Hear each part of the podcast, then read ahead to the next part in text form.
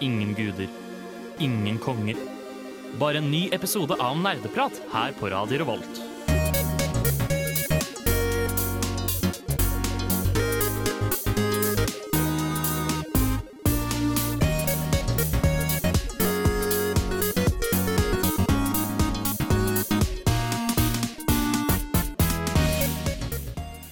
Hei og velkommen tilbake til nok en ny episode av Nerdprat her på Radio Revolt. Spillmagasinet på Radio Revolt, for å være mer presis. Um, I dag skal vi snakke om verdensrommet.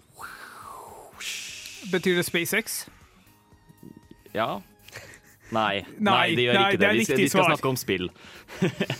eh, verdensrommet og settingen innenfor alt av eh, videospill og lignende. Eller bare generelt verdensrommet også. Det er jo kult. Ja, det Eh, mitt navn er Håkon, jeg er programleder som vanlig. Og med meg i studio så har vi Tai.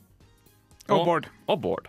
Um, vi bare hopper rett ut i det, så vi skal starte med å høre en liten låt. Vi skal høre Brenn med Jeg Nerdeprat på torsdag klokka fem nerdeprat. Vi starter som vi alltid gjør, med å ta en runde, en liten innsjekk hva vi har gjort siden sist. Eh, tai, har du kanskje lyst til å starte? Ja, altså det passer jo ganske bra i anledning eh, romspill, så jeg har spilt mer FTL. Ah, ja. Eh, så her sitter jeg fortsatt og sliter som faen med å vinne FTL, da. Jeg har jo bare vunnet FTL én jævla gang med én spesiell type romskip. Men jeg får ikke til med de andre, og det frustrerer meg noe fryktelig. Hvor, hvor langt pleier du å komme? Jeg kommer alltid til siste boss, altså. Okay. Eller alltid og alltid. Men- som regel. Er det så veldig bra å komme til den og dø der enn å bare dø tidligere? Ja, altså det har vært et forsøk. Du, du pleier å være ganske sterk helt til du kommer til siste boss. Siste boss er en bitch. Men det bare høres ut som du burde ha mer sjanse tidligere. Ja, men jeg er, jeg er ganske sterk når jeg kommer til siste boss. Det er bare at uh, typen skip jeg har bygd, er ikke open nok til å ta siste boss. OK. Den er open, mer enn open nok til å ta de fleste andre, liksom. Ja. Men hvordan vinner man da? Nei, Godt spørsmål. Det er, man, man, man bruker de samme våpnene og samme skipet hver eneste gang fordi, den tek, fordi du vet det funker. Men, Men da funker det jo ikke, hvis du ikke klarer siste boss. Nei, Nei, altså, noe annet. tingen er at jeg greier jo bare den Jeg greier bare siste boss med én type strategi. Selv om jeg vet at andre typer strategier funker. Men det er ikke min spillstil, så jeg får ikke det til. Ja, men Har du prøvd å bare gjenbruke det samme skipet om og om igjen? Ja, det er det jeg gjør, og det er dritkjedelig. Jeg vil jo unlocke mer. OK. Ja, ja. Eh, noe annet. Eh, Jeg har fullført mastergraden min. Å, herregud! Gratulerer. Woohoo! Nå er jeg fancy, fancy pants farmasøyt. Eh, gikk det opp i lønn, da? Nei.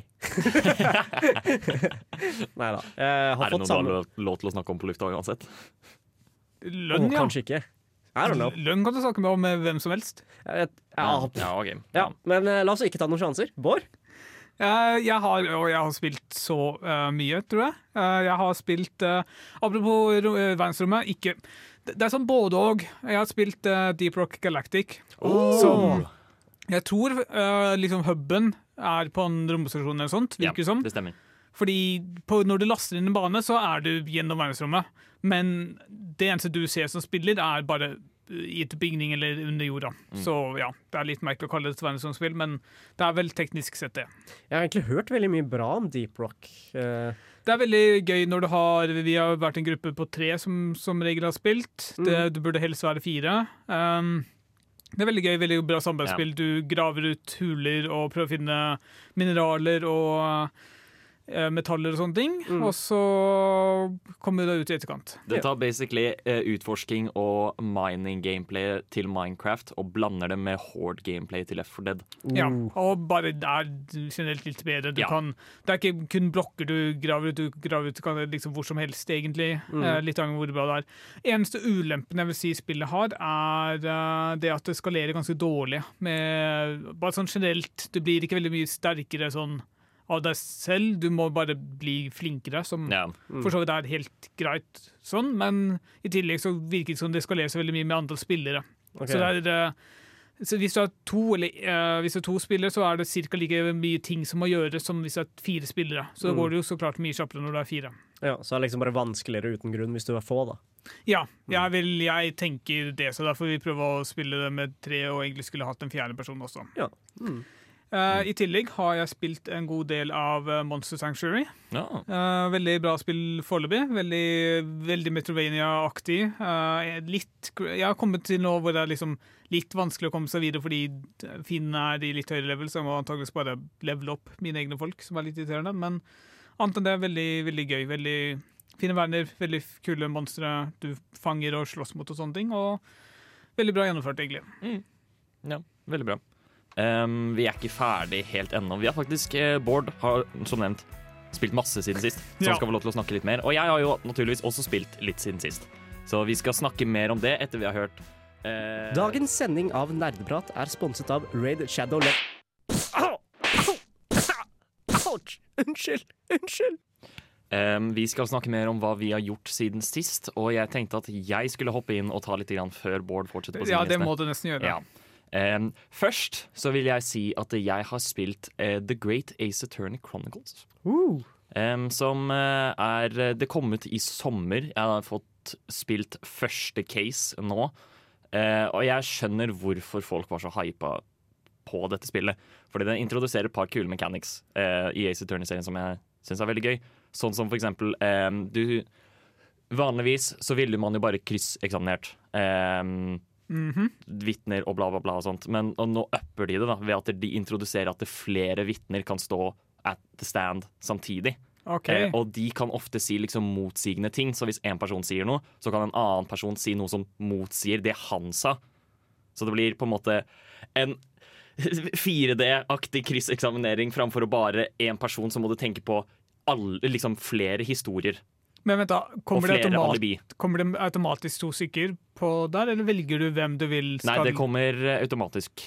OK, så ja, greit. Så, så det fungerer på en måte sånn som en vanlig eh, det, Mekanisk fungerer det som eh, en vanlig en. Ja, så, en vanlig krysseksaminering. e- Egentlig så kunne de bare hatt den egen, det ene utsagnet som et bevis, eller sånn, så kunne de bare brukt det til Ja. å protestere. Men det er jo mye morsommere å liksom prøve å plassere In interrogerer de de to vitnene med hverandre?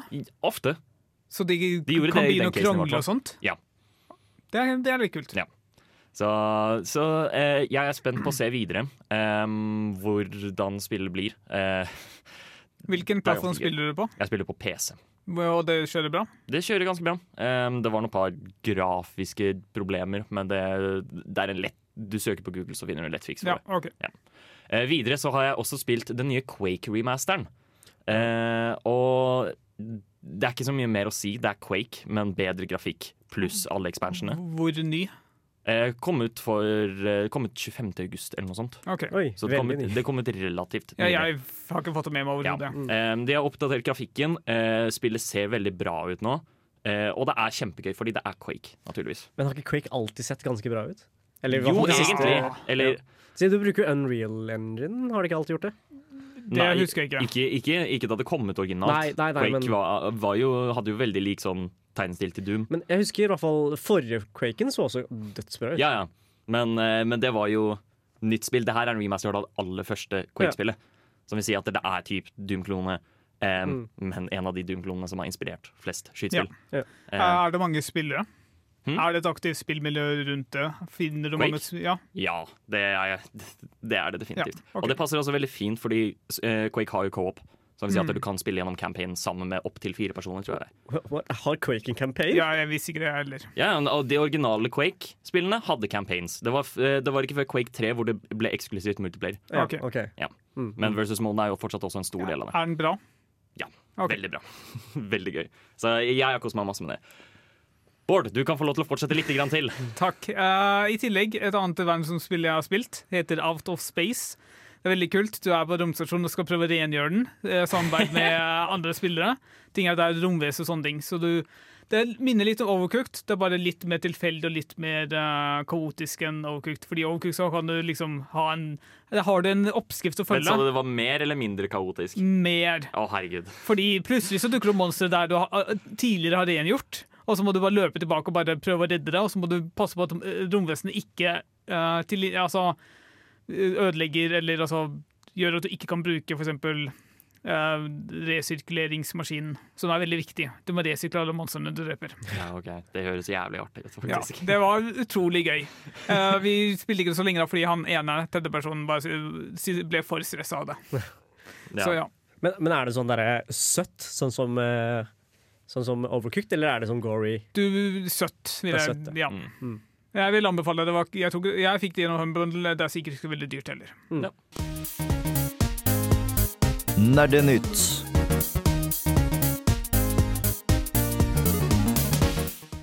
Vi skal, start, vi skal starte med å snakke om litt nyheter. Um, og det har skjedd i hvert fall noen ting siden sist. Eller hva, Bård? Det stemmer. uh, først og fremst uh, Tripwire eh, Jeg husker ikke hva resten av selskapet heter. Det heter i hvert fall Tripwire. Uh, sin sjef han tvitret på forrige uke, tror jeg det var, om at han støttet Høyesteretts vurdering av den nye abortloven i Texas. Uh, ikke for å, Jeg gidder ikke engang å gå inn på den loven. Den er en ny lov som du kan lese om ellers. Um, det, den uh, ytringen ble fulgt av bl.a. Uh, noen andre selskaper som sa at nå jobber vi for å avslutte alle samarbeid med selskapet deres. Og til slutt, jeg tror det var um, ca. to døgn etterpå, så kom ut beskjeden om at uh, han sjefen han går av den stillingen. Hvem skulle trodd? Ja, hvem skulle trodd. Eh, det som jeg har blitt gjort oppmerksom på, da, er at han er fortsatt eier av selskapet. Så det behøver ikke å bety noe som helst, egentlig, at han ikke lenger er sjef. Eh, jeg vet ikke helt hvor stor andel eier han er, men han er en ganske stor andel. Så forhåpentligvis vil det bli endring, men muligens ikke. Det er jo dårlig S. Ja, jeg, for min del så bare Jeg vurderte å kjøpe Maneater, som er et uh, hai-RPG. eh, publisert av uh, Tripwire. Ikke utviklet av, men publisert av dem. Og da denne nyheten kom ut, altså den første, så tenkte jeg at vet du hva, den, det spillet klarer meg fint uten. Ja, det, det, er, det er Ja, uh, Tripwire er blant annet de som har utviklet uh, Killing Floor, så jeg, Oh, no. selv om jeg vurderte å kjøpe Killing Floor 2, så kommer jeg nok ikke til å kjøpe Killing Floor 2 heller. Åh, jeg elska Killing Floor, da. Killing Floor er Det dritgøy, er men så eh, jævlig gøy. Vi får se, Hvis det kommer noen endringer, så kanskje det er lov å endre mening etter hvert. Ja, vi får satse på det. Um, har vi mer nyheter? Vi har jo det. Ja, det er en litt sånn annen kontroversiell ting som har skjedd, fordi uh, PlayStation har, litt, uh, har vært litt i hard vind. Jeg har, ingen, jeg har en PlayStation 4, men jeg har ikke fulgt så nøye med på utviklingen i forhold til PlayStation 5. Men det som var tinget var at de sa på et øyeblikk at eh, Eller på et tidspunkt at Eller først så annonserte de at ok, alle eh, disse titlene som ble lansert liksom mellom Altså mens vi holder på å oppgradere til PlayStation 5, de vil få gratis oppgradering til PlayStation 5. Og så plutselig så kom de ut og sa at nei, eh, Horizon, ikke Zero Dawn, men West, Forbidden West. Forbidden West. Da må du betale for å Oppgradere det? Ja. Men så kom de ut og sa at nei, vet du hva, dere slipper å betale, men det her er den siste førstepartsspillet dere får gratis. Alle andre må Ja. dere betale for. Har de reversert? Ja, nå sier de at Horizon Forbidden Fest uh, vil få en gratis oppgradering, men det er den siste spillet. Og dette er dersom du kjøper det på PS4 og bytter til PS5? Ja. Ja. Og det er også mens PlayStation 5 nesten er umulig å få tak i, og mens Xbox bare ikke har noen sånn regel overhodet. Kjøper du spillet på én plattform, så har du det på alle plattformer. ja. Så jeg er litt sånn lei Sony akkurat ja nå. men Sony har jo alltid vært helt tette på sånne ting der. Det er jo også de som har forbindet uh, cross-plattform med flerspiller eh, tidligere. Ja, jeg husker det var en uh, svær kontrovers eh, om, om, vi, om vi går over til noe annet, bare for å skitte på Sony litt. Grann. Eh, at der, hvis du lagde en Fortnite-konto på PlayStation din, eh, så ble den låst til Ja. PlayStation din. Du kunne ikke bruke den på noen andre plattformer. Og det er så vidt jeg har skjønt, er det fordi Sony er drittsekker og ikke De verner veldig godt om sin egen plattform og mener den er såpass fantastisk at ingen fortjener å samarbeide med dem. Eller noe sånt, jeg vet ikke. Ja, så det, det, det er jo fint at de da i hvert fall lar oppgradere. Ja, Den fordi ene gangen. eh, tidligere, eh, eller nå står det også at det frem, altså, nye oppgraderinger vil koste 10 dollar å gjøre. Ja, okay. Som det, er, det er ikke all verdens, det er ca. 100 kroner, Ja. men det er skikkelig surt hvis du egentlig prøver å kjøpe PlayStation 5, og så får du ikke kjøpt PlayStation 5, og så fortsetter du å kjøpe spill på PlayStation 4, og så bare Ja, det er 100 kroner dyrere for meg i og med at jeg holder på å kjøpe PlayStation 5. Ja. Det er litt kjipt. Men det er bedre enn originale planen deres. da. Den originale planen deres var jo Eller før de gikk tilbake, da. Var jo at de skulle gi deg Hvis du kjøpte neste sånn package, hvis du kjøper sånn derre For, Forbidden West pluss eller noe sånt, så kunne du få en upgrade. Å ja. Ja, også, ja. Så du måtte kjøpe den billigste varianten som ikke er billigst. ja. Så nest billigste. Eh, moralen da er jo egentlig bare at vi, Sony er ditt. ja. Vi hater dem. 360 no scope. 420 blaze it. Mom, get the camera. Nerdeprat på Radio Revolt.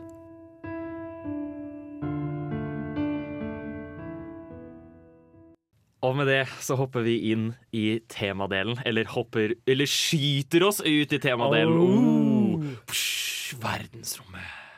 Og så krasjer vi igjen, da. ja så klart. Em, fordi vi krasjer på en planet, så må vi starte der. Vi skal ikke ha noen definisjon av verdensrommet, fordi dere er faen ikke barn. Det er udefinerbart. Eh, ja. Det blir for mangt å si uh, verdensromspill er spill som er i verdensrommet. Så denne sendingen her blir heller uh, fokusert på å snakke om diverse måter spill bruker verdensrommet på, da, Ja. kan man si. Uh, og vi starter med det vi sier fersk start. Altså at du er strandet på en planet, eller du ble nettopp født på en planet, eller hva enn det er. Ja. Og du skal bygge deg opp, vokse, bli sterkere, sånn at du eventuelt kan dra. ja, og eh, generelt bare håndtere livet på denne nye planeten. Mm. Eh, I Rimworld for eksempel, så er det jo en flokk med kolonister som lander, og så skal du prøve å bare tilpasse deg nomadelivet, bygge noen hus, eh, gjøre forretninger med andre klaner eller stammer, og prøve å holde hu husdyr og lignende. Mm. Så det, det, det er på en måte en, en tradisjonell liksom sånn Kall det strategi-overlevelse-opplegg. Ja. Ofte. Um, hvor du bare Ja, du chiller på denne planeten, og så blir du bare større. Klassiske elementer av overlevelsesspill uh, som Fresh Start er vel egentlig bare å samle opp nok ressurser til å komme seg til neste stadie av teknologi. Da. Ja. Mm. Og det er en veldig, det blir veldig, det er en veldig avhengighetsskapende loop. Ja, spesielt uh, Factorio, som jeg har spilt en del i det siste.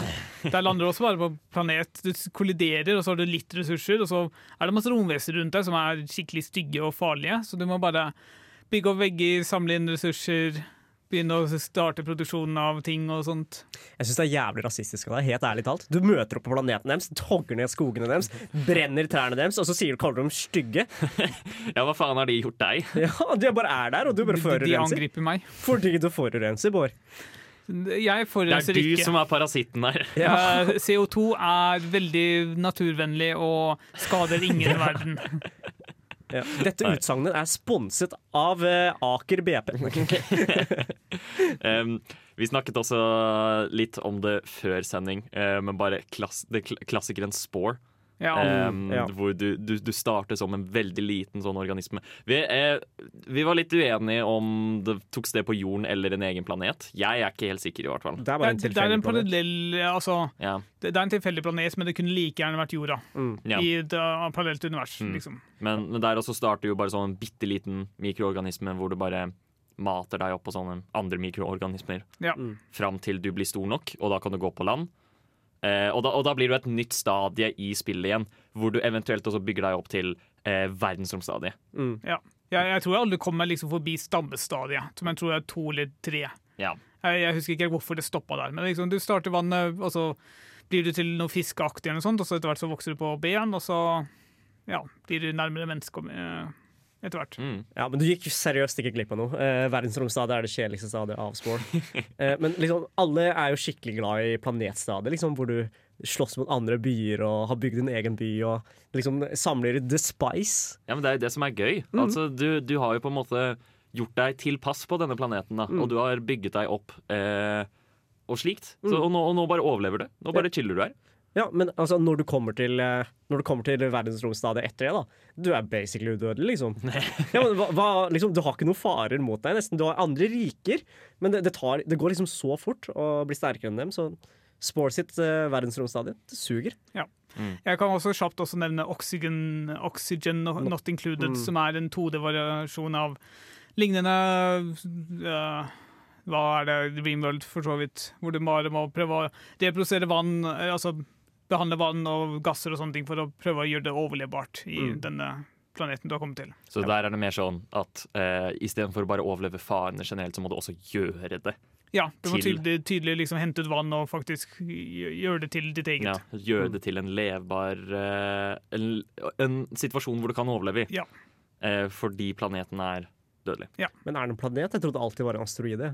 Jeg er litt usikker, men du er hovedsakelig under jorda. Ja. Og bruker gass og sånt i jorda, lager et toalett og en Mm. septiktank septiktank Ja. og sånne ting. Mm. Heter du får én dråpe med urin i hele vannet ditt, og så, er du død, så dør du fordi alt vannet ditt er blitt urin av en eller annen grunn. Ja, så klart. Men Mm. det, er, det er en veldig kul variant av spill, og det er veldig smart å liksom bruke typ verdensrommet her. Fordi da er det sånn der, du kan virkelig det er, det er opp til skaperen av spillet selv å bare liksom bestemme hva slags setting du havner i. Mm. Ja. Og, da, og der er det jo vill kreativ frihet hvis du bare sier at ah, det er verdensrommet og det er en fremmed planet. Og Mm. du har liksom en plottet har en grunn til at du skal starte helt alene uten noe som helst hjelpemidler. Ja, Mm. nettopp. Så, så, så, så, så det, er en, eh, det er en fersk start rett og slett på sendingen vi har hatt her nå. Men eh, vi skal utforske nye fronter også, eh, hvor vi skal snakke om ja, utforsking i verdensrommet. Eh, etter vi har hørt eh, Giddy Gang og Vujo med Told Me og Esperanza Spalding med Formvella. Martin, gutten min, du må komme deg middag! Å, mamma! Jeg kan ikke sette på pause nå! Jeg er midt i en heftig episode av Nerdeprat! Vi har utforsket litt de forskjellige temaene vi kan snakke om, og derfor har vi også landet på at vi skal snakke om utforskingen i sin helhet. Ja. I seg selv. Er ikke det sjukt? Det er veldig sjukt. Ja, fordi det er jo også Hv- hv- Hvorfor i helvete skal man lage verdensromspill, eller hva enn det er? Man, hvorfor i helvete har vi verdensrommet hvis man ikke skal ha spill som handler om å utforske det? Ikke sant? Fordi det er estetisk pent. Nei, jeg er uenig. det, er den, det er den eneste funksjonen jeg ser nytte okay, i den. ja. Eh, men ja, vi har lyst til å snakke om bare utforskingen av verdensrommet. Og hvordan, hvordan kan man gjøre det gøy, liksom, når det egentlig bare er helt svart?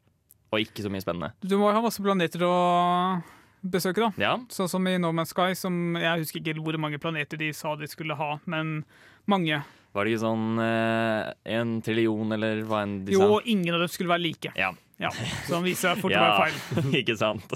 Det er jo teknisk sett ikke like. Det er mest sånn cirka like, men ikke Ja, helt like. ja. Ikke sant. ikke, ja, det, det er en catch der Nei, jeg, jeg, jeg har spilt litt nå, men skal. Jeg husker ikke hvorfor jeg ga det opp, men det skjedde også. Men det er jo et veldig kult konsept. At det bare på en måte At du er sånn planethopper. hopper. Fra planet ja, til planet. de, de bare- gjør utforskning Ja. veldig bra. Jeg tror heller problemet mitt var mye i forhold til liksom det å fordype seg i spillet på andre måter. Det å liksom snakke med folk og gjøre ting og låse Mm. opp ting og sånt var litt strevsomt. Og også det å bygge base var også litt strevsomt. Mm. Men uh, selve den planethoppingen og faktisk oppdage ting og bare Altså kjøre rett over overflaten på en planet og bare se ting er veldig tilfredsstillende. Mm. Mm.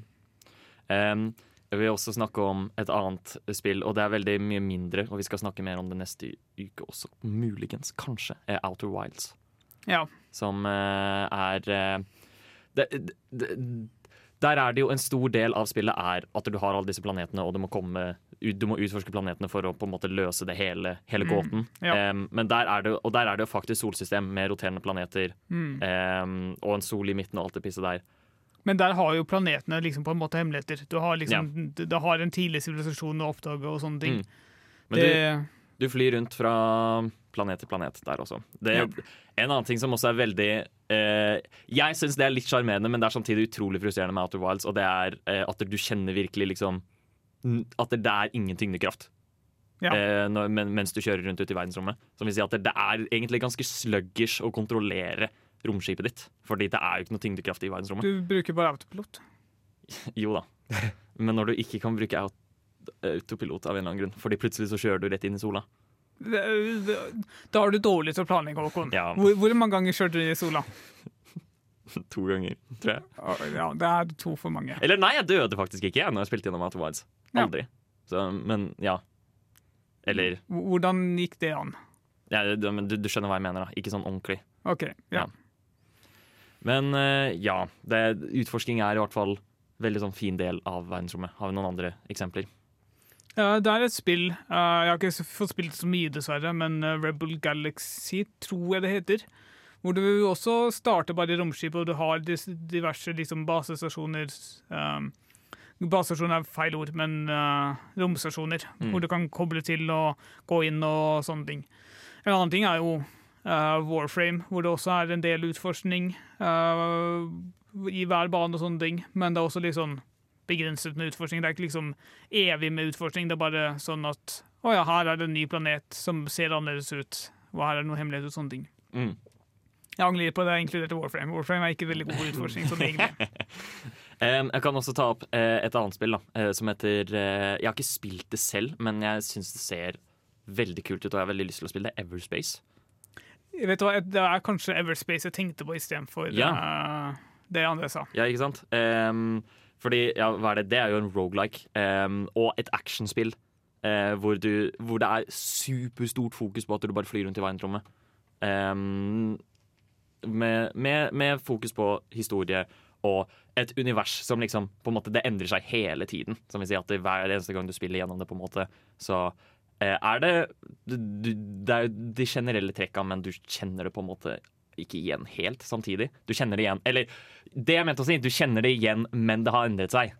Eh, som gjør utforskingen av kuler igjen. Fordi hver gang du, du spiller spillet, så utforsker du på nye ting. Det er veldig kult.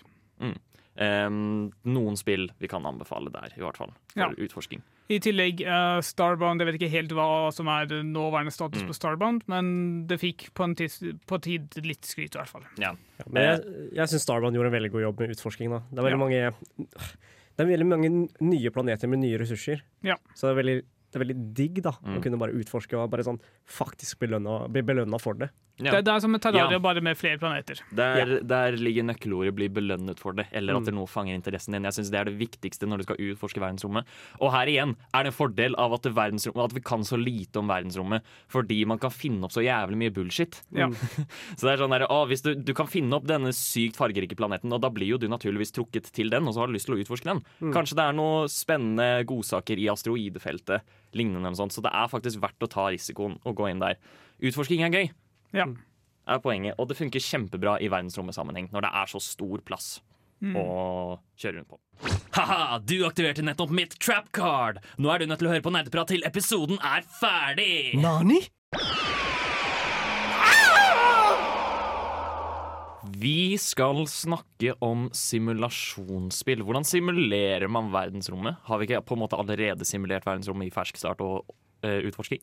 Nei. Eller altså, veldig mange av de spillene er ikke veldig representative for hvordan fysikk egentlig fungerer. Nei. Og gir heller ikke veldig detaljerte kontroller. Mm. Uh, prøv å sammenligne en oppskyting i Kerbal Space Program med en oppskyting i hvilket som helst annet spill, og du, det er som natt og dag. Ja. Mm. ja, det er veldig sant. Nå har du lyst til å utdype litt, da, siden du allerede er Ja, uh, Kerbal Space Program, som er kanskje det mest kjente spillet innenfor dette her, er jo hvor du egentlig bare styrer et lignende NASA, uh, lagd av søte, små, grønne personer, uh, som er Kerbals. Jeg tror Det er litt lenge siden jeg spilte nå. Da jeg spilte, så startet det på rakettoppskyting, men nå tror jeg du startet med liksom å skyte opp fly og sånne ting, for å liksom lade opp til å kunne ordentlig skyte opp raketter, og så etter hvert skal du da lande på eh, dens verden, altså det som er månen i den verdenen. Moon. Ja. Eh, MUN eller noe sånt. Jeg vet ikke. Jeg, jeg, jeg bare elsker humoren i Ja. Kerbal Space Program. Men altså, det er, det er så realistisk. Du kan liksom lage flertidsraketter, og du styrer liksom alt. Du kan til en viss grad ha en autopilot til liksom programmere inn en bane, men også kan du bare styre alt manuelt. Og det er, kan være veldig overveldende for en som aldri har vært borti det før. Det er sikkert derfor du nå starter med fly og lignende, men uh, ja. Jeg syns også det er veldig imponerende at de inkorporerer jo tidsaspektet i, uh, i Kerbal Space Program. Bare, du har jo lov å spole, heldigvis, Ja. men har du lyst til å gjøre det i real time, så kan du sitte her i 40 timer og vente på at uh, Ja. uh, romskipet ditt når månen, liksom.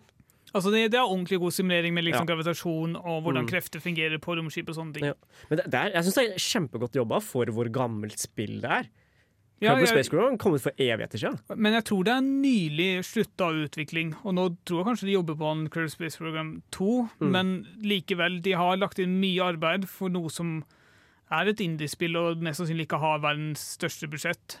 Mm. Allikevel så har de en veldig realistisk, veldig naturtro simulering av hvordan det er å skyte opp raketter. Ja. Men de fikk jo kjempegod belønning for det. Kerbal Space Program er jo dødspopulært. Ja, det er eh, et av de bedre, liksom Mm. Altså, det er ikke veldig mange simulasjonsspill på den samme måten som Kerbal Space Program. Ja. Det eneste som er sånn halvveis sammenlignbart, er liksom Universe Sandbox. Eh, I hvert fall av de jeg har hørt om. Universe Sandbox. Ja, der, der simulerer du hele univer- altså, Der kan du simulere et helt univers. Altså type lage sort hull og se hvordan det påvirker planeter rundt. Oh, ja, så det er, det er en sandbox, Ja. men det er bare hele universet. Ja, Som- Så du kan putte inn planeter og liksom simulere hva, hva vil skje her. Og hva vil skje hvis vi eksempel kaster inn hele Melkeveien inn i et sort hull? Ja. Ja. Og så Ja, det er gøy. det er sånn du, du kan kaste månen på jorda og se hva som skjer, liksom. Det er jo også kjempeartig. Ja, Ja, ja. eller få en stjerne til å bli en supernova. Ja. Altså Alt mulig sånne ting kan det simulere, og det tror jeg også er veldig sånn eh, realistisk i hvordan de eh, har gravitasjon og lys og alt mulig sånt. Ja, for det som, kan, for det, ja, det som skiller simuleringsspillene mest, er jo at de faktisk er realistiske og baserer seg på hvordan ting ville fungert i virkeligheten. Ja, og det, det er litt eh, høyere terskel for å faktisk få til noe som helst. Det er Altså, det å få til oppskyting i Curve Space Program er ganske eh, høy terskel er sammenlignet med alt mulig annet. Ja, fordi eh, en skulle tenke seg det er ikke så lett å lage seg en rakett som kan fly opp i verdensrommet. Spesielt ikke når det skal være helst være balansert, ha nok drivstoff, Ja. Gjerne ha flere trinn, og så skal den lande på en eller annen måte også, uten å brenne i hjel. Mm, så det, det her er egentlig da veldig sånn god introduksjonskurs. At hvis du noensinne har lyst til å dra ut i verdensrommet med å lage din egen rakett. Ja, eller hvis du bare vil prøve å se hvordan det er. Leke SpaceX for uh, Ja, ja. Leke SpaceX. Um, så det ble jo litt SpaceX likevel. Hey! Ja, jo, for så vidt. Men du kan også leke NASA. Nei, du leker NASA istedenfor SpaceX. Vi, vi dropper SpaceX. Ja, ja, ok da, greit. Det, vi kan gjerne leke NASA. Men det er sånn, ja, hvor de andre spillene da kanskje går litt mer inn i fantasy-greia. Vi snakka om Outer Wilds i stad. Der har de jo en lite sånn romskip, og det, det letter jo på ekte på sånn tre sekunder. Ja, det, Og og, det, det er ikke noe verre. og det er ganske, kan være til tider vanskelig. Man, første gang jeg letta på det, så var det utrolig vanskelig å manøvrere. Etter Ja. hvert så gikk det bedre. Ja. Men eh, det er litt mer sånn helikopterstyring, mens i Curve Space Program er det ordentlig rakett opp og ned. Ja, vil, det, det legger litt tyngde på Ja. det. Eh, og det er, jo, det er jo faktisk veldig kult. Um, det, jeg innså ikke at det, det, det, var så gøye ting der. Og jeg likte særlig også Universe Sandbox. Det har jeg faktisk lyst til å sjekke ut. Ja, gjør det. det jeg kjøpte det for evig siden og har nesten ikke rørt det, men nå har jeg litt lyst til å prøve det på nytt. Mm. Fordi, ja, hva hadde, hva hadde egentlig skjedd hvis vi hadde kastet månen på jorda? Det er et godt spørsmål. Du har svaret neste uke. Det, det, dere skal få svar neste uke, kjære lytter. Men imens eh, så kan dere jo høre på en låt før vi går videre til å snakke om narrativ plott. Nå skal vi gjøre Kesen med Back in the Day. Halla, snupper! Vil du være med og høre på nerdprat, eller? OK, her kommer vi! Kjekt at dere vil høre på Nerdprat. Um, vi snakker fortsatt om uh, verdensrommet og spill uh, satt i verdensrommet og lignende. Vi skal nå gå over til å snakke om eh, handling og plott og narrativ og lignende i, satt i verdensrommet. Ha, har du noen gode spill som Har du noen eksempler på spill som har et godt narrativ i verdensrommet, Håkon? Um, et godt narrativ. Nå spør du godt. Er ikke du fan av Dead Space eller Mass Effect? Jo da, men jeg vil ikke si at de narrativene nødvendigvis er gode. Eh, okay. Men det at det er i verdensrommet, setter veldig tonen for hvordan hele spillet kommer til å være. Ja. Eh, ja. Jeg har en liten hot take på akkurat det her. OK? Jeg føler at de fleste spill som kan, er i verdensrommet, kunne like godt vært på jorda. Ja, for så vidt. Så det, det er ingenting som Liksom, hvis du ser på uh, Hvis du ser på Mass Effect, for eksempel. Det er ingenting som sier at det må være i verdensrommet. Det der kunne like godt skjedd på jorda, og så går det bare fra land til land istedenfor. Det er sant. Um, poenget med at det er satt i verdensrommet, er jo naturligvis fordi det åpner for så mye mer variasjon av eh, terreng og hva man kan gjøre. Liksom. Og Da, det det at du kan bruke romvesener, Ja. eh, forskjellige språk Det at ting er usikkert, Mm. det at du kommer til planet og bare Er det liv her? Hva, hvordan er atmosfæren Ja. her? Ja. Men, men det kunne like, like godt vært Du kommer til en ny øy.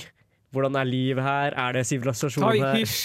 hysj! eh, men jeg vil i hvert fall eh, ta opp eh, en film eh, og da skal jeg lede det over også til å snakke om spillet basert på okay. filmen. Og, og det er The Alien av Ridley Scott, som kom ut i 1979.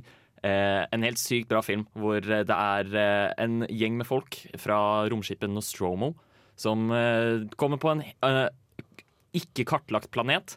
De utforsker den, og så bare er det en eller annen sånn hodekrabbe som bare hopper på hodet til han ene. Snakker du om Half-Life nå? Nei. OK. Eh, de, de kalles facehuggers. Facehuggers, ja. Um, Vent, da, I Hvor- Half-Life eller i Alien? I Alien. Ja, OK. De er headcrabs i Half-Life. eh, men ja da. Eh, og så legger han på en måte et egg i magen på han ene, og så skyter du ut en alien. Og så begynner den alien å roame på romstasjonen. Og det er sånn, nå, nå er jo de ute i verdensrommet, hva faen kan de gjøre? De, og da blir det på en måte satt stemning av at en eller annen alien lifeform er på denne eh, romstasjonen. Eh, han kommer til å drepe oss. Og det er bare jævlig kjipt. Og det, vi, vi- er fanget her ute i verdensrommet med han, liksom. Fordi de kan jo ikke Hva, hva kan de gjøre? Hvis de bare kjører, prøver å kjøre vekk, så kommer de jo ingen vei, liksom. De sitter fast med han. Ja. Og da er det også et videospill som heter Alien Isolation, hvor de bare sa OK, vi kjører Alien, men nå er det et videospill. Hvor du, du har en mye større romstasjon, eh, hvor du utforsker ting, og så er det en alien som konstant jakter på deg. Eh, og siden og, og det er sånn der, Siden det er ute i verdensrommet, så er det også ofte veldig mørkt utenom liksom, lysa fra selve romstasjonen. Eh, og det setter veldig liksom, stemningen av at det, jeg er fanget her med denne, alienen. Ikke at det er så veldig mye Du går ut i verdensrommet av og til, men som regel så er det jo på romstasjonen. Ja. Men der er det heller hva som finnes ute i verdensrommet, frykten for hva som finnes ute i verdensrommet, som er drivkraften. Ja. Jeg vil også nevne, eh, for, for å gå over til en, en koseligere spill, Ratchet Clank. Ja! Eh, også, der er det jo også veldig planethopping. Der er det ikke noe utforsking ute i verdensrommet i det hele tatt. Der er det kun fokusert på at du skal utforske de forskjellige planetene. Og der er det jo, i hvert fall det første spillet har jo jeg som nevnt, som nevnt tidligere i andre sendinger, um, har har en veldig sånn antikapitalistisk propaganda gående. Uh, hvor alle bare er sånn sykt uh, gjerrige folk. Eh, og alle skal gjøre alt for penger. Du redder en persons liv, og han spør deg fortsatt om Har du lyst til å kjøpe denne tingen av meg, istedenfor å bare gi den til deg. Ja. Så er, um, og, og, og da har de på en måte Her har de bare satt et spill ut i verdensrommet og så bygget et helt univers ut ifra det. Ehm, ikke nødvendigvis at det, det, Og det eneste de bruker verdensrommet til, er jo igjen det at de kan ha flere planeter med vill liksom, fantasi Ja. for hva disse planetene kan være. Jeg har også lyst til å skyte inn Halo, som jeg syns Ja. uh, har et plott som ikke ville fungert utenom verdensrommet. Spesielt med den store, gedigne ringen som er bare helt Ja. fantastisk kul. Den titulære haloen. Ja. Så må vi ikke glemme at eh, Kingdom Hearts teknisk sett er et verdensromspill. Det er sant, det. Herregud. Du kjører jo det er, Den verste fuckings En tredjedel av spillet er at du kjører rundt i det gummiskipet u- mellom verdener. Ja. Mellom Disney-verdener. Det suger. Og det er så ræv! Jeg hater det. Men vent da, har alle spillene sånn der eh, greie hvor du må gjøre ting i det gummiskipet? Ja, ja, du må bygge det opp. Ja, jeg, hadde, jeg hadde fortrengt den delen av spillet, tror Det, jeg. fordi det, det jeg- går fint.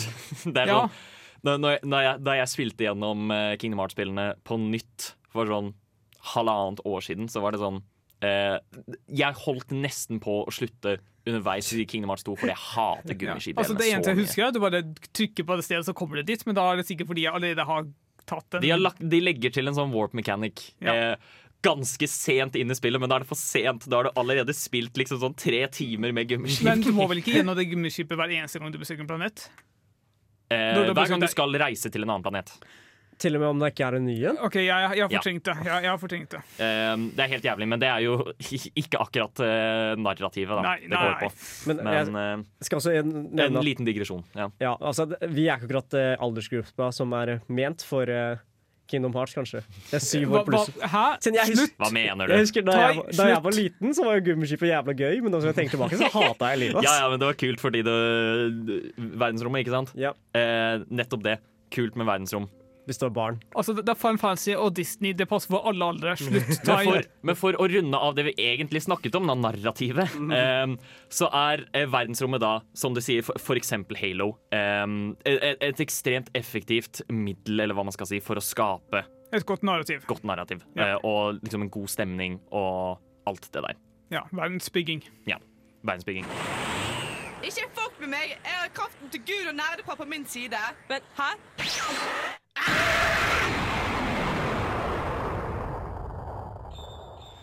Nå skal vi eh, Vi skal omfavne arbeiderklassen i dag. Eh, vi skal snakke om Fordi uansett hvor langt det går, uansett hvor langt ut i verdensrommet det går, så fins det fortsatt jævla kapitalistfane, og det finnes jobber.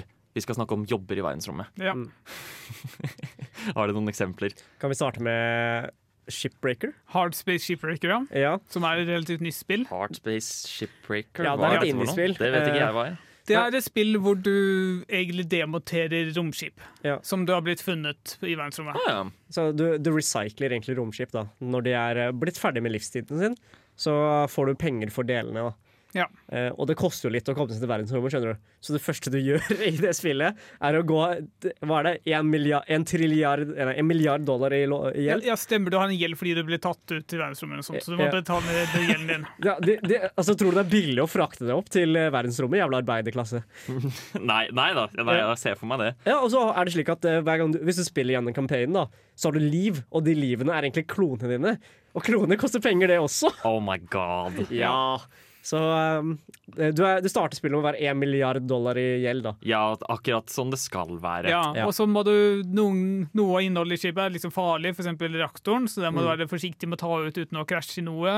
Og så må du kutte opp skipet skipet at du kan sortere aluminium i ett sted, og vanlig metall et annet sted. Man blir faen ikke betalt nok for det her, altså. Jo, du blir jo betalt veldig godt, da. Du får jo flere hundre millioner dollar om gangen, men når du skylder en milliard dollar, så tar det litt tid. Og gleden er jo i å demontere skip, Ja. og alle de forhåndsreglene du må ta. Du kan for eksempel øh, du må passe på å ikke bare åpne et romskip hvis det er for eksempel trygt der. Du må gjøre det på riktig måte.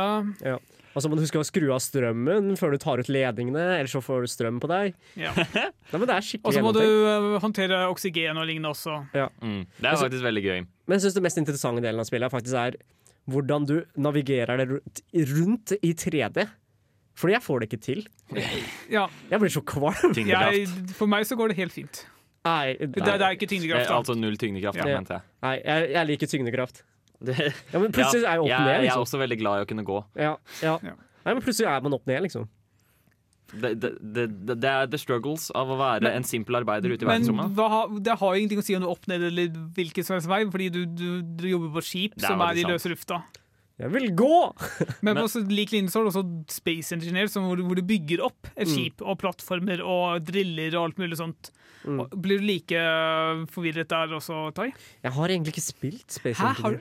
det, er jo, det er jo det perfekte komplimentet til Hard Space Shipbreaker. Ah, ja, er det de som bygger skipene jeg må Ja. bryte ned? Nettopp. Ja, men Du er sånn ingeniør i overklasse, jeg er arbeiderklasse her. Jeg, du, du må jo ha litt ingeniørkunnskap til å demontere skip. Nei, jeg får et skjema, så følger jeg det skjemaet. OK, greit. Mm, mm. I am a simple worker. Ja, ja. Men eh, det, det får i hvert fall mye av spenningen sin da, rundt av at du bare fikser disse romskipene. Ja, altså Det blir liksom en ekstra vanskelighetsgrad når det må gjøre ting i null tyngdekraft. Og liksom, Mhm. også den friheten å bare sette sammen diverse moduler til å lage et romskip. Der har du liksom en container for å lagre ting, og så setter du på et drillhode, og så setter du på noe rør, sånn at ting du driller faktisk kommer inn i der det skal være. Alt mulig sånt. Det er utrolig tilfredsstillende. Det er veldig gøy at der, eh, ved å bare legge inn verdensrommet, så blir liksom sånne jobber man kunne tenkt hadde vært kjedelig, bare gøy. Ja. Og Et, det annet, et annet eksempel er jo Viseras cleanup detail, hvor det er en eh, vaktmester på romstasjonen. Og de, var vass, altså, de, de rydda opp eh, det verste søl og dritt. ja, hvor eh, det er sånn OK, virkelig eh, en kjedelig jobb å være vaktmester. Eh, nå skal ikke jeg disse dere vaktmestere der ute, dere gjør en kjempebra jobb, men det er ikke noe jeg hadde likt å være selv. Men vasker man opp etter aliens og sånn shit, så blir det ultima allerede mye mer gøy. Ja, Ja. hvorfor skal du være vaktmester når du kan være romvaktmester? Nettopp! Som rydder opp etter helten. Eh, Det er, men er det en gøy. helt, eller er det en overklasseskurk? Det, står i beskrivelsen at det er en helt. Okay. Hvor- Tja, han betaler sikkert minimum wage til ja. Typisk vaktmester. overklasse. Ja, fucking hell, ass. Nei, vet du hva, nå må vi, må vi gå videre før jeg blir sinna. Men eh, det er i hvert fall Verdensrommet er så flott, ikke sant? Ja. Så du kan bare gjøre de kjedeligste tinga Og likevel ha det gøy. og likevel ha det gøy. Uh, og, da, og det er jo bare vi er så sykt glad i verdensrommet, så nå skal vi også gå videre til å snakke om eh, spill som bare er sånn Det eneste de egentlig har gående for seg, er Ja, det er verdensrommet. Ja. Eh, eller ikke det eneste, da, men det er den hoveddrivkraften de har. Og vet du hva, det går fint, fordi vi elsker verdensrommet. Ja. Vi skal nå høre fra en mann som er veldig langt unna hva han syns om programmet Nerdeprat på Radio Revolt. Nerdeprat er veldig gøy! Vi snakker om nerdeting og dataspill! Sånt liker jeg! Fordi verdensrom. Ja. Ja, bare fordi. Ja. Uh, vi skal snakke om spill som de, de, de, Det er virkelig ingen grunn til at de skal ha temating fra verdensrom, eller noe sånt, men de bare har det. Ja. Det er en unnskyldning egentlig til å enten få handlingen i gang, eller noe annet. Eller bare for å ha noe tematisk Ja. som henger sammen. Uh, og da er jo verdensrommet alltid en man liksom kan gå til. Fordi det er, det er, så, det er uante muligheter. Ja, det er så, det er så utrolig mangt. Ja. Eh, og så er det veldig kult, som Ja. vi har presisert gjennom hele sendingen. Ja, kan jeg s s eh, peke litt grann kritikk mot Halo da? Med, med okay. veldig varsomme hender. Ok, Så det er en ring som dreper alt i universet, som bare ligger der. Vet du hvorfor? Hvorfor? Fordi verdensrommet. Ser du? Det, altså, det funker jo. det er Men en greie. la meg rette samme kritikken mot ditt forrige spill, eh, Tai. Eh, FTL, hvorfor er det i verdensrommet? Nei, men jeg er helt enig. FT, FTL på ingen måte trenger å være i verdensrommet, altså. Det, altså, det, det tjener veldig lite av å være i verdensrommet, annet eh, enn at det er lasere, liksom. Men Ja. det kunne vært sci-fi. Men det er rått. Det er kjempekult. Ja, det er dritkult! Jeg elsker verdensrommet. Vi elsker laser. Men bare, bare tenk om det hadde vært liksom Mad Max istedenfor uh, verdensrommet. Hadde ikke vært det samme, altså. Med eh, flammekastende, gitarspillende eh, fiender. Nå valgte du Mad Max, jeg er ikke så glad i det universet, da, men eh, Ah, det er dritkult. Ja, Ja. ja, jeg håper det er i hvert fall. Nei. Jeg syns det universet der er bare tullete. Du tar feil. Men, Ja, men vi, du, du tar feil. ja, vi, kan snakke, vi kan snakke om et annet eksempel. Da. Em, vi snakket litt om det under låt. Uh, XCOM, Mm. som er en veldig fin uh, turbasert strategispill. uh, hvor det, du, du, du er på menneskesiden, du styrer menneskelige soldater, eh, og så er det en alien-invasjon, og du må bare slåss mot dem. Men for å følge denne tematikken det måtte ikke være aliens. Nei. Det kunne være hva som helst. Det, XCOM 3 for eksempel, har jo undervannsskapninger i stedet som eh, hovedfienden. Da er det ikke aliens lenger. Og det er sånn der, de, de, de tar bare aliens fordi de kan. Ja.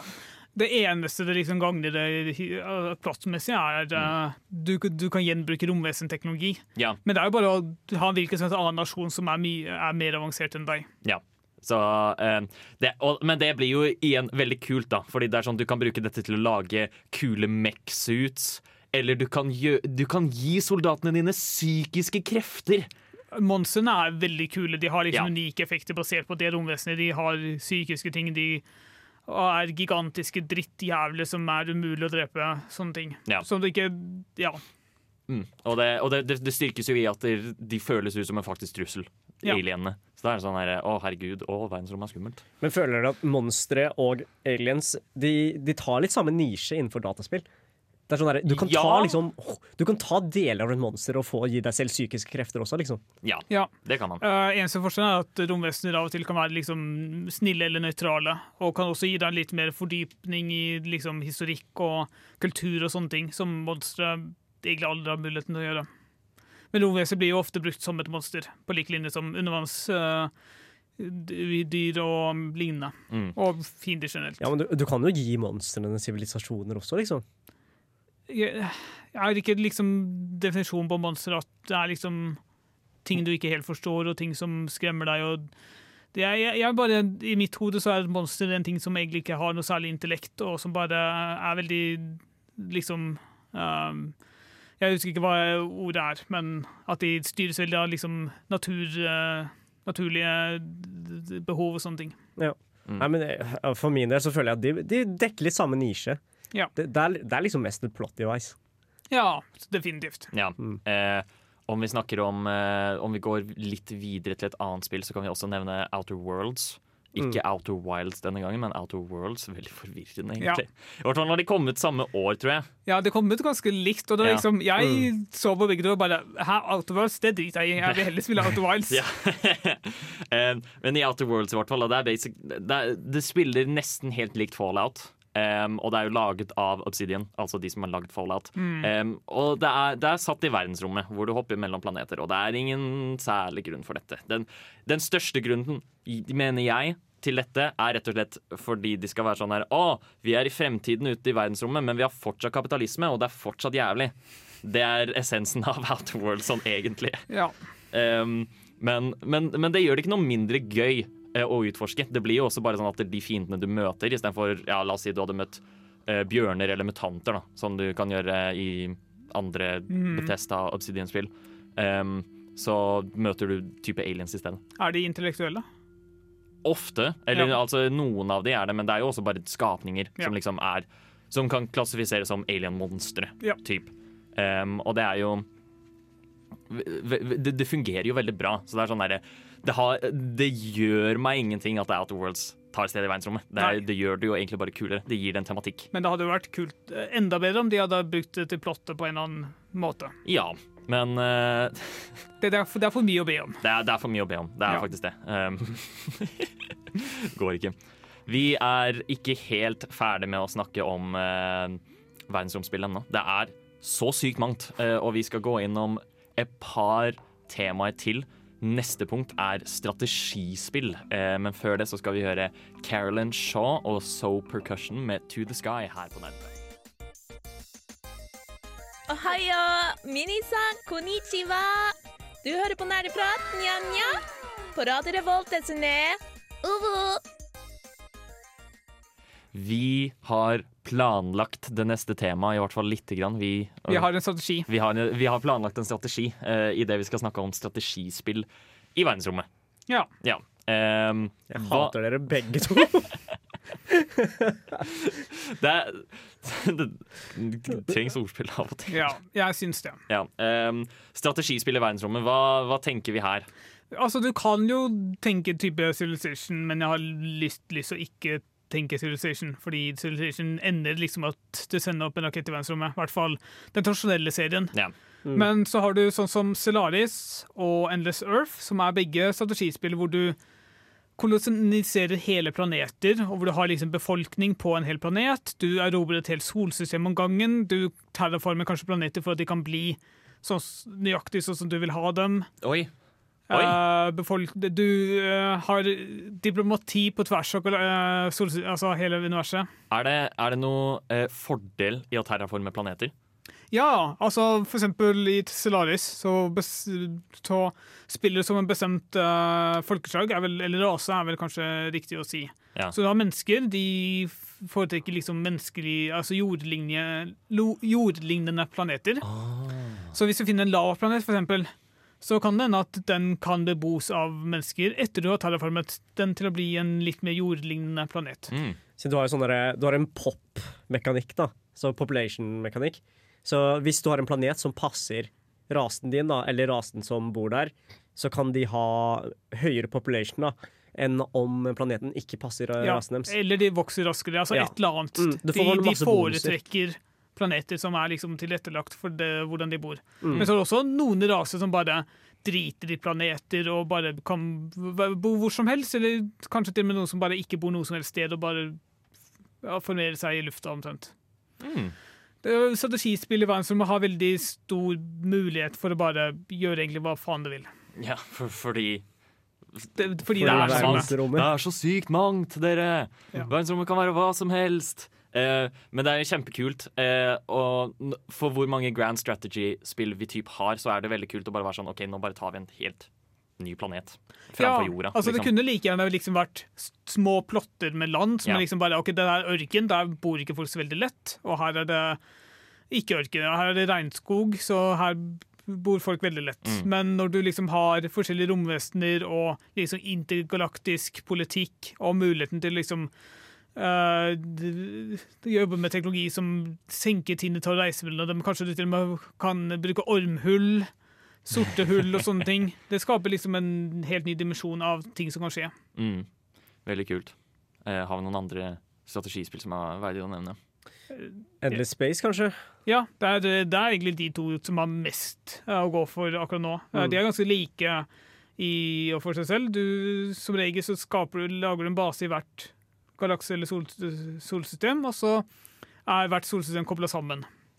På en eller annen måte, Og så må du liksom bygge romskip som kan forsvare stedet ditt. Du må bygge romskip som kan befolke nye planeter, og så grave ressurser eller penger eller lignende. Mm. Det- Men det jeg syns Så synd som det er, så syns jeg det som er kulest med Endless Space, er egentlig uh, menyen. GUI-en. Ja. Jeg vet ikke hvilket selskap som lager Endless-seriene, men de har så bra De, de har lager veldig bra spill, ja. mm. Eller Og- spillene er ikke alltid like gøye. Så jeg syns ikke Endless Age for eksempel, var så veldig gøy. Den har jeg ikke spilt, men ja. Men det, det, det er som eh, eh, Det er som Sib, liksom. Ja. Men eh, jeg, jeg syns spillmekanisk var det litt kjedelig. Men eh, det, det er bare nydelig å se på. Det er, det er en glede å navigere seg gjennom menyene på spillet. Ja. Ja. Eh, Det burde også nevnes at uh, i mange sine øyne så har Stellaris tapt seg litt over tid, men det er fortsatt et underholdende spill, vil jeg si. Mm, men det er tydeligvis ikke en veldig på en måte utforsket sjanger da, å ha liksom sånn type store strategispill ute i verdensrommet. Det er mulig det er det, bare jeg ikke kjenner til det. Men det, du Ja. trenger også litt Altså du trenger litt utviklingstalent for å kunne klare å simulere Ja. masse planeter og sånne ting. Man gjør jo det. Eh, men det er likevel et veldig kult konsept. Ja.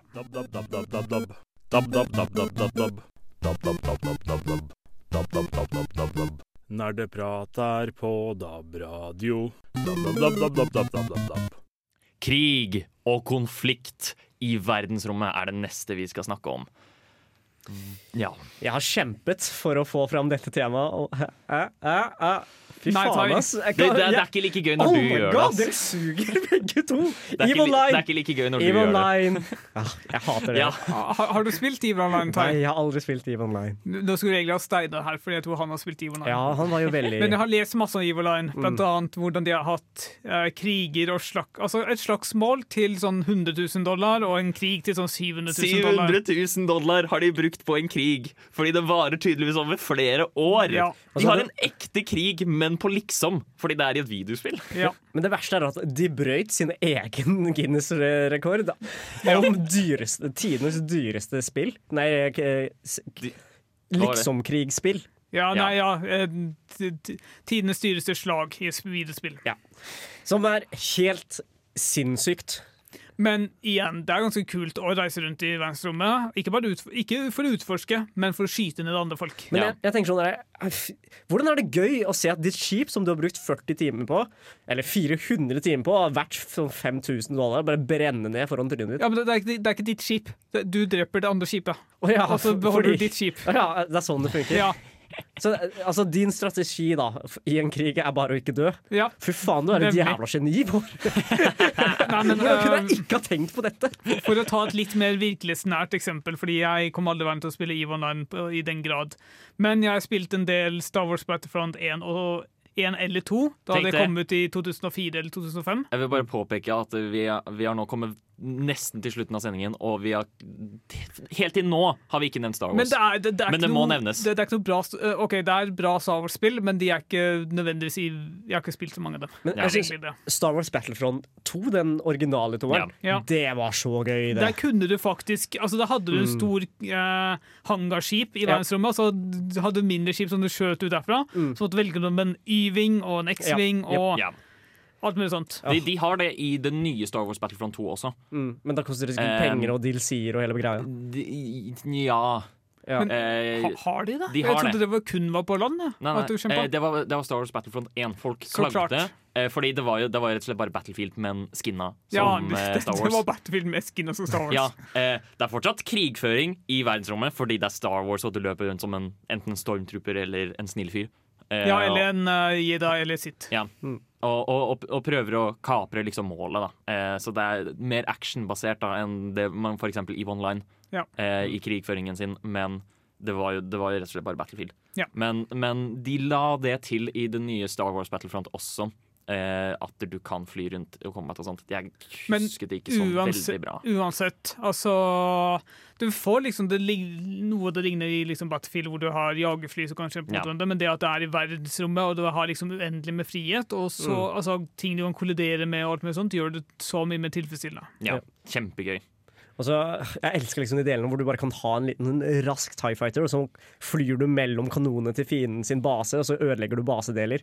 Ja, eller da hvor du bare flyr ned i en sånn grøft i, Ja. eh, på den store kulen, og så flyr du langs den grøfta, og så bare dropper du en sånn liten ting Ja, nedi ja, ja. eh, Ja, sånn- ikke. Det er beste Eh, delen av Det er romspill. faktisk Det er overraskende likt filmen, egentlig. Ja. Neida. Men eh, jeg, jeg likte også at du kunne bare fly skipet ditt inn i basen til motstanderen, og så måtte du fighte alle sammen. Og det beste delen er at du kan sitte i skipet mens de prøver å drepe deg, så du kan bare måke dem ned. Ja, kunne du ikke til og med lande og invadere? Du lander inni der, og så hvis du ikke går ut av skipet, så kan du bruke skipet mot liksom, soldater. Da. Veldig Ja. OP. Mm. Veldig, veldig OP. Men uh, ja, det er bare det, det at det bare er i verdensrommet, gjør det jo Ja. uendelig mye kulere, liksom. Altså, mye mer kulere skip og sånne ting. Ja. Jagerfly er én Mm. ting, men det å skyte med lasere og varmesøkende raketter og sånt, eller det finnes vel også på jagerfly, men uh... Men eh, hvis du tenker sånn tilbake til eh, forrige ukes sending, hvor vi snakka om uh, Hack eh, hack and slash. Den derre gudefølelsen, den jævla badass-følelsen som du får gjennom uh, hack and slash, du får det av romspill, føler jeg. ja. Ja, ofte. Mm. I, hvert fall, I hvert fall i sånne scenarioer. Det, liksom er sånn, det er kanskje en av de bedre grunnene til å ha krig ute i verdensrommet. Eh, og i hvert fall hvis du på en måte har skip som flyr rundt og skyter hverandre. Mm. Og sånt, fordi, nettopp fordi det er så sykt stor plass. Akkurat sånn som du sa, du har så veldig mye frihet. Lite å kollidere med og sånn type ting. Jeg tror det å være liksom kommandøren og sånt i EVE Online, styre de megabasene de har, og de giga gigaskipene, må være så utrolig kult. Å bare se masse undersåtter fly ut fra dem ut i krig. Når, ok, hvis, nå som vi har gått tilbake til EVE Online, hvordan tror du de velger hvem som skal lede? Jeg tror det bygges opp naturlig. De har, de Ja, har liksom organisasjoner og klaner og sånne ting hvor du har en leder og alt mulig sånt. Ja. For eksempel en av de der basene, eller hva heter det, Starbase? Nei, et eller Jeg husker ikke. Ja, men i hvert fall en av de store basene var jo mange klaner som gikk sammen og samla penger fordi det var såpass dyrt å bygge. Så ja, måtte det, det, det finnes allianser og Mm. organisasjoner og sånne ting. Det finnes akkurat sånn som liksom i, øh, i markedet generelt og liksom i de fleste spill. Du har øh, klaner og allianser som har liksom leder og forskjellige liksom grener av organisasjonen. Mm, Som de med liksom infrastruktur og krigføring og logistikk og sånne ting. ja. Eh, essensen, da, i hvert fall, er at der, krig det, det, er, det er jo horribelt, men det er også kult når det er fiksjon. Mm. Um, og det er enda kulere i verdensrommet fordi du har mye kulere våpen. Og mye større skala. Ja, mye større skala. Når innså du at du var en gamer? Dersom du kunne spilt kun et spill i et år Hva er det eldste spillet i backloggen din? Hva har du lært fra spill som du har fått nyte av i Er det et spill som har hjulpet deg gjennom en tung periode av ditt liv? Hva er ukas spørsmål? Ukas spørsmål er hvis du skulle vært en romfarer, hva slags romfarer hadde du vært? Med dette så mener vi typ sånn Ja, hva slags yrke hadde du hatt, da? Hva hadde vært din greie som eh, romutforsker, eller hva man skal si? Er det noen som har lyst til å starte? Tai var gira. Jeg hadde vært en jævla Jedi. Bare, bare litt, okay. mindre, litt, litt mindre munk og litt mer sånn eh, kickass. Så jeg hadde liksom Jeg hadde vært jeg hadde, Basically, jeg hadde vært Men det Sith. er jo ikke the Jedi way! Hva er det Nei, du okay, mener? jeg hadde vært Sith. Ja, jeg hadde så da- jævlig da vært Sith. heller, Eller du kunne vært Hva er det? Ehm, hva heter det igjen? Grey. Det- Grey, Grey Jedi. Grey som Jedi. eh, er litt på begge sider, men Nei, altså, ikke hadde, helt jeg hadde full on vært ond, ass. Hvor er dette fra? Det er, jeg tror det er fra comics og Star Wars The Force Unleashed-spillene. Ja, Extended Universe, i hvert fall. Ja. Ja. Extended Universe. Det er ikke i filmene. Jeg hadde vært en drittunge. ass. Jeg kunne, bare sånn der, Tenk deg, du går, du går i en bar bare sånn ah, jeg, er litt, jeg er litt lei denne planeten. Hva gjør jeg nå? Du bare Jedi mind-tricker noen, så har du et skip. Boom! Ja. Jeg hadde vært en drittunge, ass. Så klart. Ja, men hvorfor skal jeg jobbe når jeg kan få andre til å jobbe for meg? Herregud, jeg, jeg, jeg, jeg kan bare se på meg hvordan folk blir sitt. jeg, jeg går akkurat gjennom tankegangen nå. Det, ja, du føler, er, er dette din eh, Anakin Ark? Det er sikkert det, altså. Men jeg tenkte hvor jævlig kult det hadde vært lasersverd og hoppe rundt og backflips. Altså, jeg kan hoppe rundt og backflips her også. Jeg lurer på, Klarer de liksom alle disse trekka fordi de er Jedis, eller bare fordi de er akrobatiske? Jeg bryr meg ikke. Godt og, godt og kort og ærlig svar. det jeg prøver å implisere, da, er at det, fordi du har The Force, betyr ikke nødvendigvis at du klarer å gjøre sjuke saltoer. Ah. Ehm, Jeg, jeg, jeg tror det du fortsatt bare jobber på apotek og Ja, jeg, det går fint. Jeg kan selge, jeg kan selge Spice. Jedi på apotek, det er veldig gøy. Har du, Du, you will take the paracetamol. Bård, har du noe? Ja, istedenfor å bare være, bestemme at jeg har vært født med overnaturlige krefter, så ville jeg bare vært en handelsperson. Bygd opp gradvis uh, verdien min, og til slutt endte opp som uh, sjefen for et forretningsimperium. Uten like. Og jeg hadde hatt eh, kontroll over alt i hele universet. Åh, jeg tipper du kan Jævla kapitalistfaen, du må roe deg ned. Nei, altså, jeg sier ikke at jeg Jeg vil bare Altså, jeg vil sitte på toppen sånn at jeg kan få ned kapitalismen. Okay. Men jeg syns du kan Du må være en del av kapitalismen for å knuse kapitalismen. Ja, du tar det innenfra, liksom. Ja. Nei, men jeg tenker sånn Jeg syns du burde eh, bruke makten og innflytelsen din til å starte krig mellom imperier, og så lager du et selskap som heter Bårds Bomber. Eh, ja, Har, kanskje. eh, eh, godeste Senator Armstrong i Metal Gear Rising. Dette er jo planen hans. Hva- hva er det Eh, planen hans? Eh, ja, jeg starter en skikkelig svær krig for å ende alle kriger. OK. Du, Ja. du, du kan jo gjøre det. Ja. Ja. Eller skal bare bombe apoteket to Tie. Oh, fuck you! Hva Jeg må Jedi mindtricke deg til. Du skal ikke bombe meg! Eh, Hva med deg, Håkon? eh, jeg kjører det litt lett. Jeg hadde vært en dusørjeger. Du hadde det. Ja, Som eh, à la Bobafett. eh, typ, tenker jeg. Mm. Eh, jeg, jeg. Fordi jeg syns, jeg syns det virker jævlig rått. Så utrolig flaut når du blir drept av den første personen du jeger. Ja. Men, men, men, men hvorfor sier du det? Ja, Nei, altså jeg bare, jeg, fordi jeg tenkte gjennom det samme. Jeg bare, når vi har et trygt yrke, jeg blir bare forretningsmann. Jeg bare har, gjør handel, jeg kjøper og selger ting dyrt og billig og gjør, tjener penger på det. Sånn at ingen blir, har noe å gjøre mot meg, mens du bare jakter på farlige personer og blir muligens drept av de Ja, samme farlige personene. men jeg er jo en gambling man, og hva, mer, hva større kan man gamble enn selve livet? Ikke sant? Ja, men tenk- poeng. Tenk deg, Du drar på oppdrag, du blir skutt i låret og får vondt. ikke sant? Ja. Så skal du ta en pille. Så dør du av pillen fordi du har tatt en pille som ikke er laget av Thais apotek. Så vennligst besøk apoteket mitt i, rom, i verdensrommet. Nå må du roe deg ned. Um, Men ja, det der høres veldig bra ut. Meg som handelsmann, Tai som jedi i vanlig jobb, og du som dusørjeger. Ja, men det var det, det, bare for å avslutte det jeg skulle si, så er det sånn eh, Enten så dør jeg, og da har jeg tapt gamblen, naturligvis. Ja. Men hvis jeg vinner Å, penger! Ikke sant? Ordentlig penger. Hva skjedde med eh, antikapitalismen din? Jeg, Kommunisme er for de fattige. Jeg har fortjent det. Vi går videre. Um, vi, er, vi må straks runde av, men før det så skal vi høre Rassika med Mer Crazy enn Sexy. Vi er ferdig for i dag. Vi har snakket om verdensrommet. Og veldig mye innad i verdensrommet. Det har ikke vært noe særlig rød tråd, egentlig. Bare at verdensrommet er veldig kult. Ja. Eh. Og det er muligens en rød tråd i verdensrommet. Hæ? Det er, det er muligens en rød tråd i verdensrommet et eller annet sted. Ja, det, det, det, får vi ikke vite i dag, men vi har i hvert fall, utforsk, vi har i hvert fall utforsket mulighetene for at det kanskje finnes. Eh, har dere noen siste tips før vi runder av? Time. Ja, det er jo valg nå. Det er valg! Jepp. Så eh, jeg tror I dag er siste dagen du Eller i, i dag og i morgen, I morgen. er siste dagene du kan forhåndsstemme. Som vil si Mm. at hvis du ikke er bosatt i kommunen, burde du stemme. Ja. Da bør, burde du Stem på partiet som gir oss mer dataspill. Eller, stem på det partiet som støtter din valg, eh, kamp best. Dataspill. Ja, OK. Dataspillpartiet. Um, det var alt vi hadde for i dag. Eh, her får dere Dina Ogon med Tombola 94. Ha det bra. Ha det! Du lyttet nettopp til en podkast fra Radio Revolt. For å høre flere av våre podkaster, gå inn på radiorevolt.no.